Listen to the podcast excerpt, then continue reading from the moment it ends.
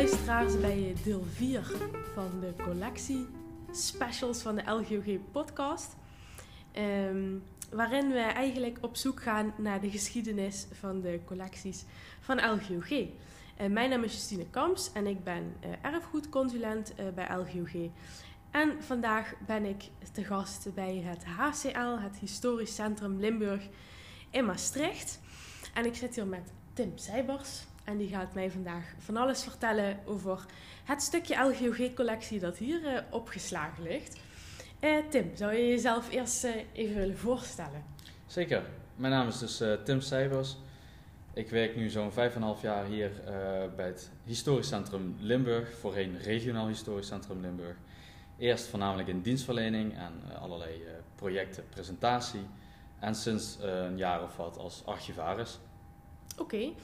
Um, ja, we zitten hier in een, uh, in een prachtig gebouw.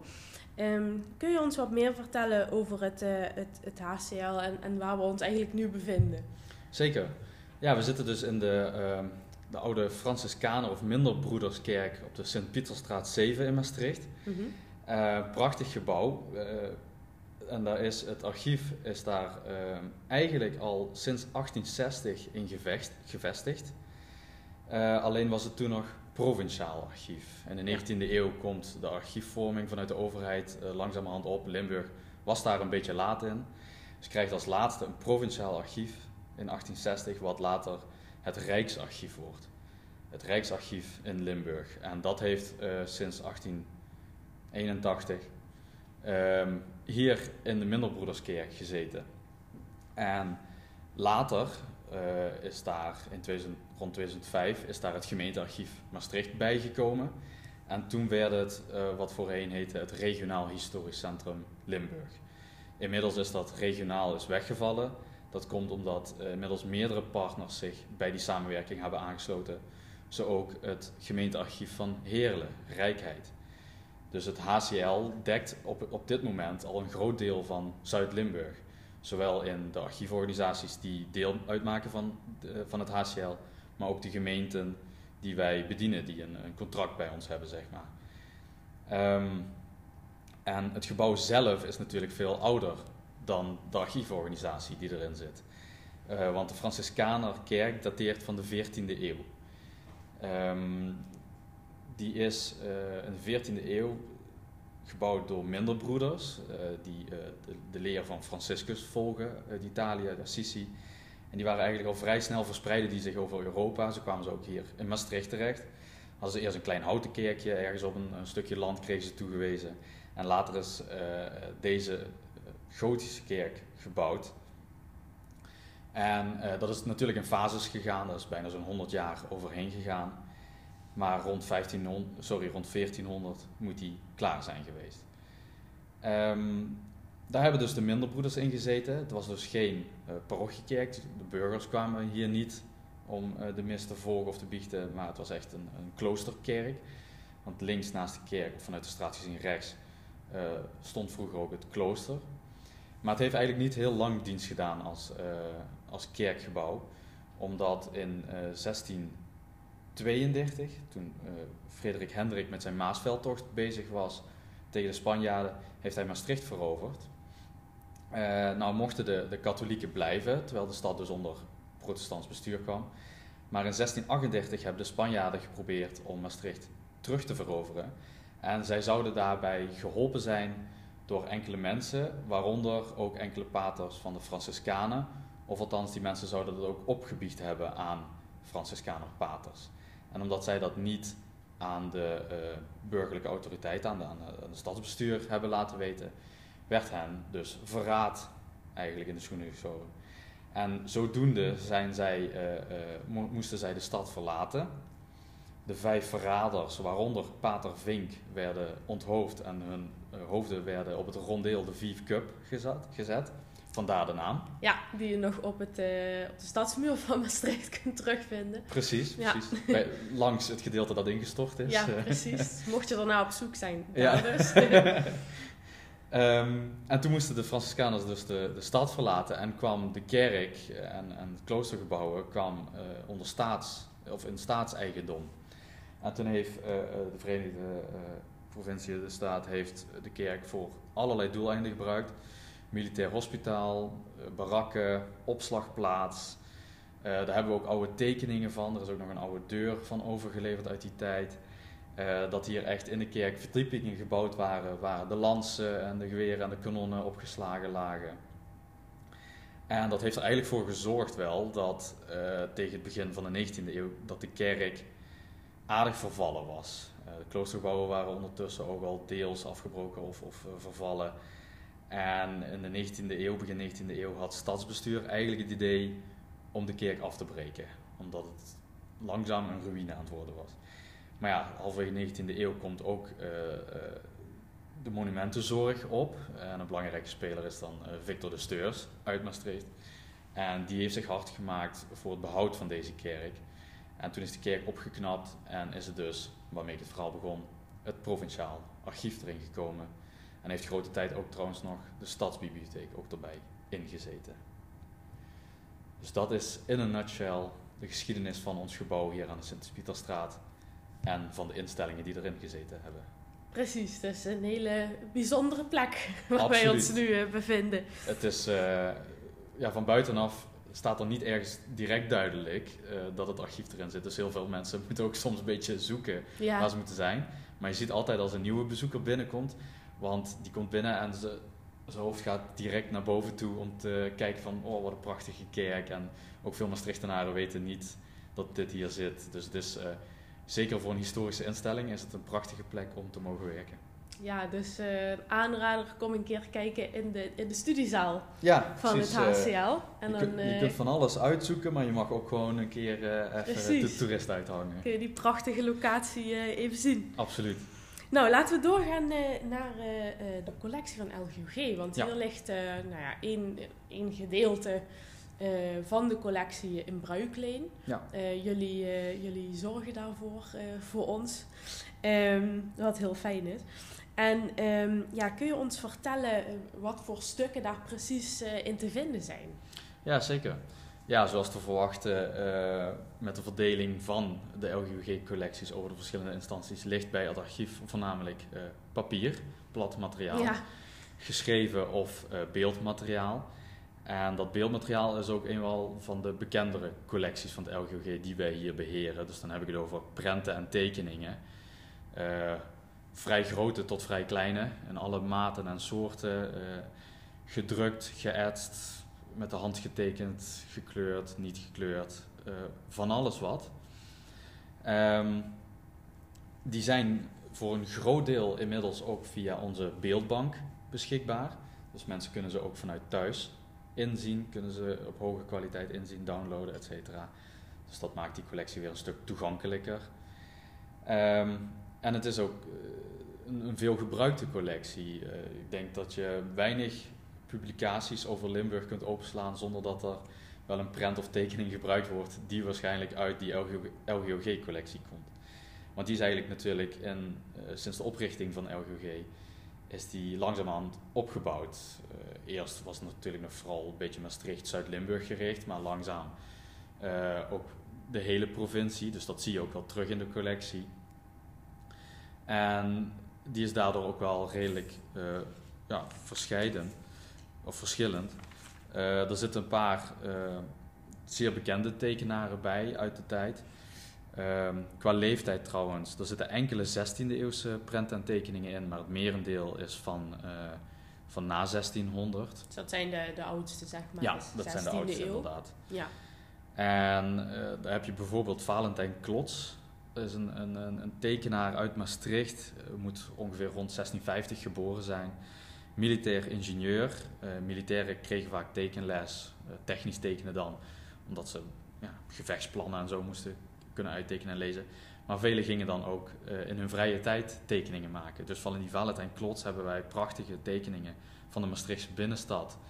Van, ja, van net voor 1700. Uh, eh, die een prachtig beeld geven van de tijd toen. En uit die tekeningen kunnen vaak nog dingen afleiden die bijvoorbeeld nu niet meer, die er niet meer staan. Of die je zelfs uit archieven nog moeilijk weet te herleiden. een andere is Joshua de Graven. Uh, die is van rond 1712. heeft waarschijnlijk ook in het leger gezeten, dus trok ook rond, kon ook tekenen, een beetje hetzelfde verhaal. Ja. En die heeft meer uit heel Limburg getekend. Dus als je hem opzoekt, we hebben wat tekeningen bijvoorbeeld van Zevenum in Noord-Limburg, maar ook Neer, Midden-Limburg, Lanaken, de Belgische grensstreek. Dus die is dan weer wat meer dekkend voor de hele provincie. Ja. Uh, Jan de Beijer is ook wel een bekende naam, leefde in de 18e eeuw. Die zat in Vierlingsbeek, ook weer vanuit het leger en trok vanuit daar naar verschillende steden. Dus we hebben ook prachtige prenten van bijvoorbeeld Venlo, die dan in die LGOG-collectie hier liggen. Die zijn door hem gemaakt. Uh, en de bekendste is eigenlijk, denk ik, voor de mensen wel Philip van Gulpen. Die tekeningen die stammen zo van het begin van de 19e eeuw. Hebben ook een heel eigen karakteristieke stijl. Sommigen zouden zeggen een beetje kinderlijk. Uh, maar geven ja, een prachtig beeld van, van voornamelijk dan Zuid-Limburg uit het begin van die 19e eeuw. Ook van bijvoorbeeld de Minderbroederkerk, waar we nu zijn. een prachtige tekening. Dat is ook wel een van de oudere tekeningen die wij van ons gebouw hebben, wat dan weer leuk is. Maar die, die tekende en schilderde van alles. Landschappen, personen, maar ook uh, voorwerpen, relieken, liturgische voorwerpen, zegels, gedenk- en grafstenen. Uh, aan allerlei gebouwen. En met gebouwen dan vaak natuurlijk wel de religieuze of, of bestuurlijke gebouwen, wat meer in het oog springende gebouwen. Ja. Dus dat is eigenlijk ja, die rijkheid van die collectie prenten en tekeningen van het LGG die wij hier beheren. Ja, mooi dat heel, uh, heel Limburg daar ook uh, in terug te vinden is. Ja, ja zeker. Dat zie je ook wel uh, in de opbouw daarvan, inderdaad, wat ik al een beetje zei. Van, het begint natuurlijk voornamelijk Maastricht-Zuid-Limburg, omdat het LGG hier ontstaan is. Precies. Maar dat is langzamerhand wel dekkend geworden, dus dat is heel mooi, zeker. Ja, zeker. Ja. Um, ja, een beetje daarmee samenhangend hebben wij ook twee schilderijen hier hangen, die uit de collectie LGG komen. En dat zijn van twee uh, vrij belangrijke personen, uh, belangrijke personen voor de Limburgse geschiedenis, voor het Limburgse archiefwezen, maar ook voor het LGOG. Uh, dat is in de eerste instantie is dat Frankie Net. Frankie Net die, was, die leefde van 1826 tot 1900 en was mm -hmm. de eerste stadsarchivaris van Maastricht. dus in ja, halverwege de 19e eeuw begint het archiefwezen een beetje te professionaliseren. En, en worden daar echt mensen voor aangenomen, ook voor opgeleid. En die was stadsarchivaris van 1849 tot 1873. Hij was ook secretaris van een van de voorgangers van het LGOG, van een uh, historische vereniging hier in Maastricht. Hij was medeoprichter van het LGOG in 1863. En hij werd uh, tijdens dat hij ook uh, die zaken deed, ook stadsarchivaris was, was hij ook de eerste provinciaal archivaris van Limburg van 1866 tot 1880. En tot 1880, 1880 omdat op dat moment het Rijksarchief in Limburg ontstaat. En dat is eigenlijk een nieuwe instelling, net iets andere uh, werkzaamheden, werkgebieden dan een provinciaal archief. Ja. En daar wordt iemand nieuw voor aangezocht. En dat is uh, degene die op het tweede schilderij staat, uh, voor LGOG wel bekend. En dat is Jos Habets. Ja. Uh, die naam moet bekend zijn onder de luisteraars. Zeker, die is ook al meerdere keren voorgekomen in de podcast, geloof ik. Dat kan ook niet anders als je het nee, over Limburgse precies. geschiedenis hebt en het LGOG. Zeker. Ja, Habets, priester, kapelaan, pastoor, medeoprichter van het LGOG, eerst ook nog ondervoorzitter lang voorzitter geweest natuurlijk, 1866, ja. 93. En hij wordt dus de eerste Rijksarchivaris in Limburg, zoals dat heet. Van 1881 tot 1893, uh, als hij sterft.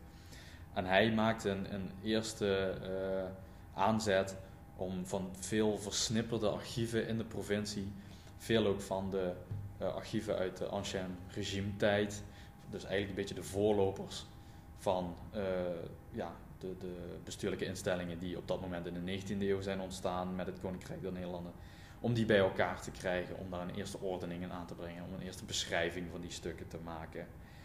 Uh, hij schreef natuurlijk ook heel veel, hij deed heel veel onderzoek. En ik geloof dat er uh, in de tekeningen- en prentencollectie ook een aantal uh, tekeningen zitten die van Habets afstammen.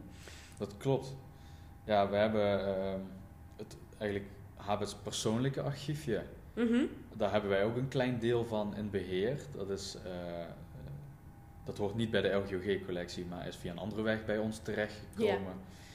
En, eh, maar een deel van die tekeningen zit inderdaad dan weer wel in die LGG-prenten en tekeningcollectie. Zo zie je ook dat, eh, zeker in de 19e eeuw, maar ook, maar ook nog de eerste helft 20e eeuw, dat archieven vaak een hele een heel avontuur afleggen voordat Ja, ze bij precies. een instelling terechtkomen.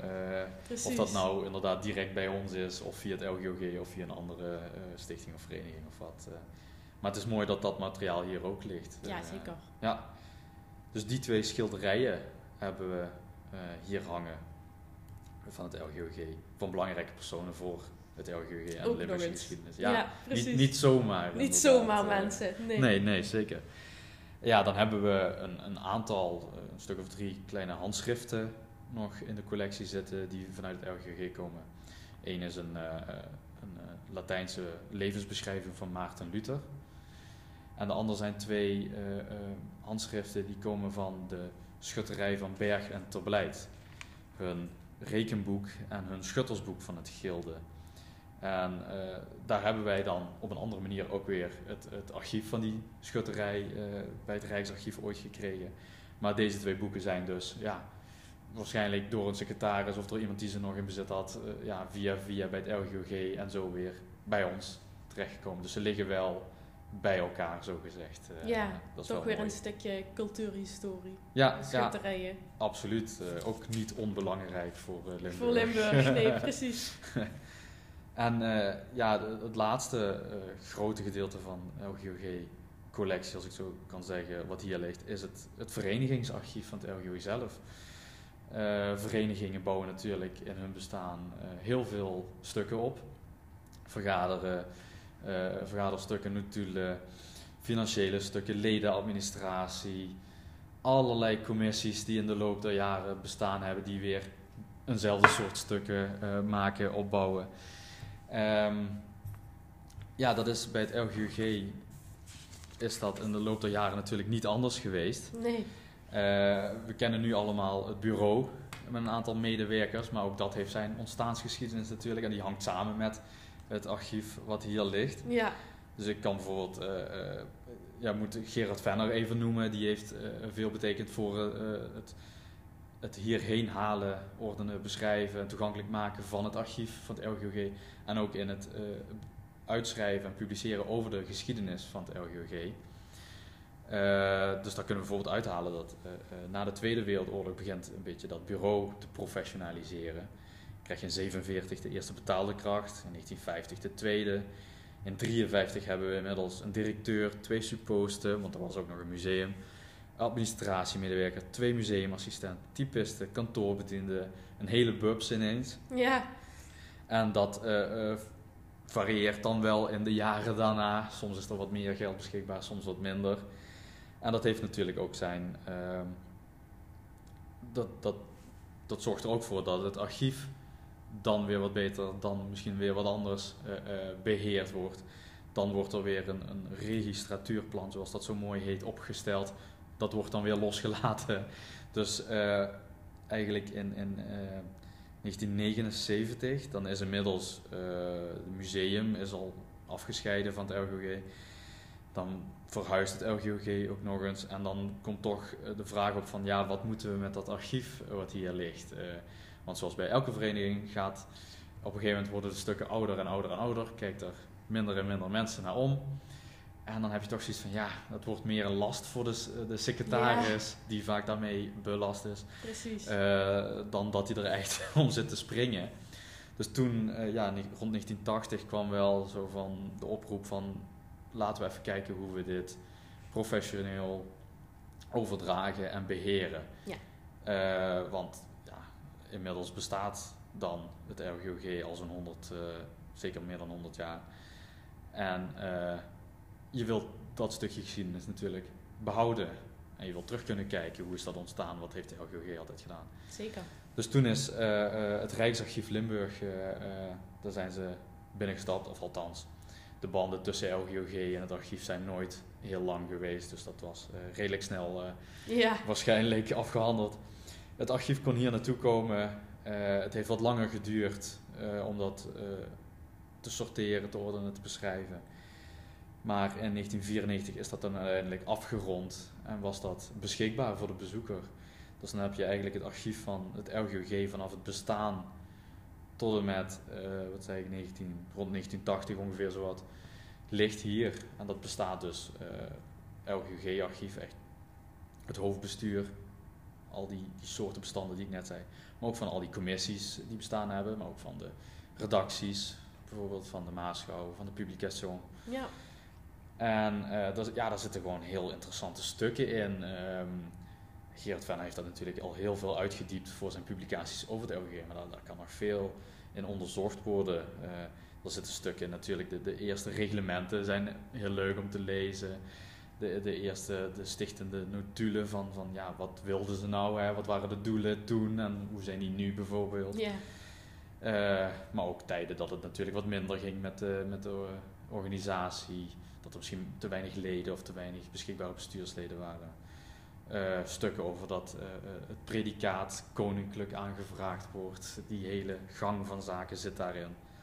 En daaruit haal je natuurlijk ook weer informatie over hoe jullie collecties uh, opgebouwd zijn en langzamerhand ook bij andere instellingen in bruiklijn zijn gegeven. Precies. En zo zitten wij nu hier. Precies. Is de cirkel rond. ja, precies. Tim, mag ik jou heel hartelijk bedanken voor uh, dit gesprek. En uh, zo hopen we dat, dat de luisteraars voor heel wat hebben geleerd over dit stukje collectie. Absoluut. En kom ze vooral ook, en digitaal wat ik zei, in de beeldbank en in inventarissen, maar ook hier, kom ze bekijken, kom ze gebruiken voor onderzoek. het ligt hier niet om te liggen, maar om gebruikt te worden. En, het zou mooi zijn als dat hier aan bijdraagt. Precies. Dankjewel. Graag gedaan.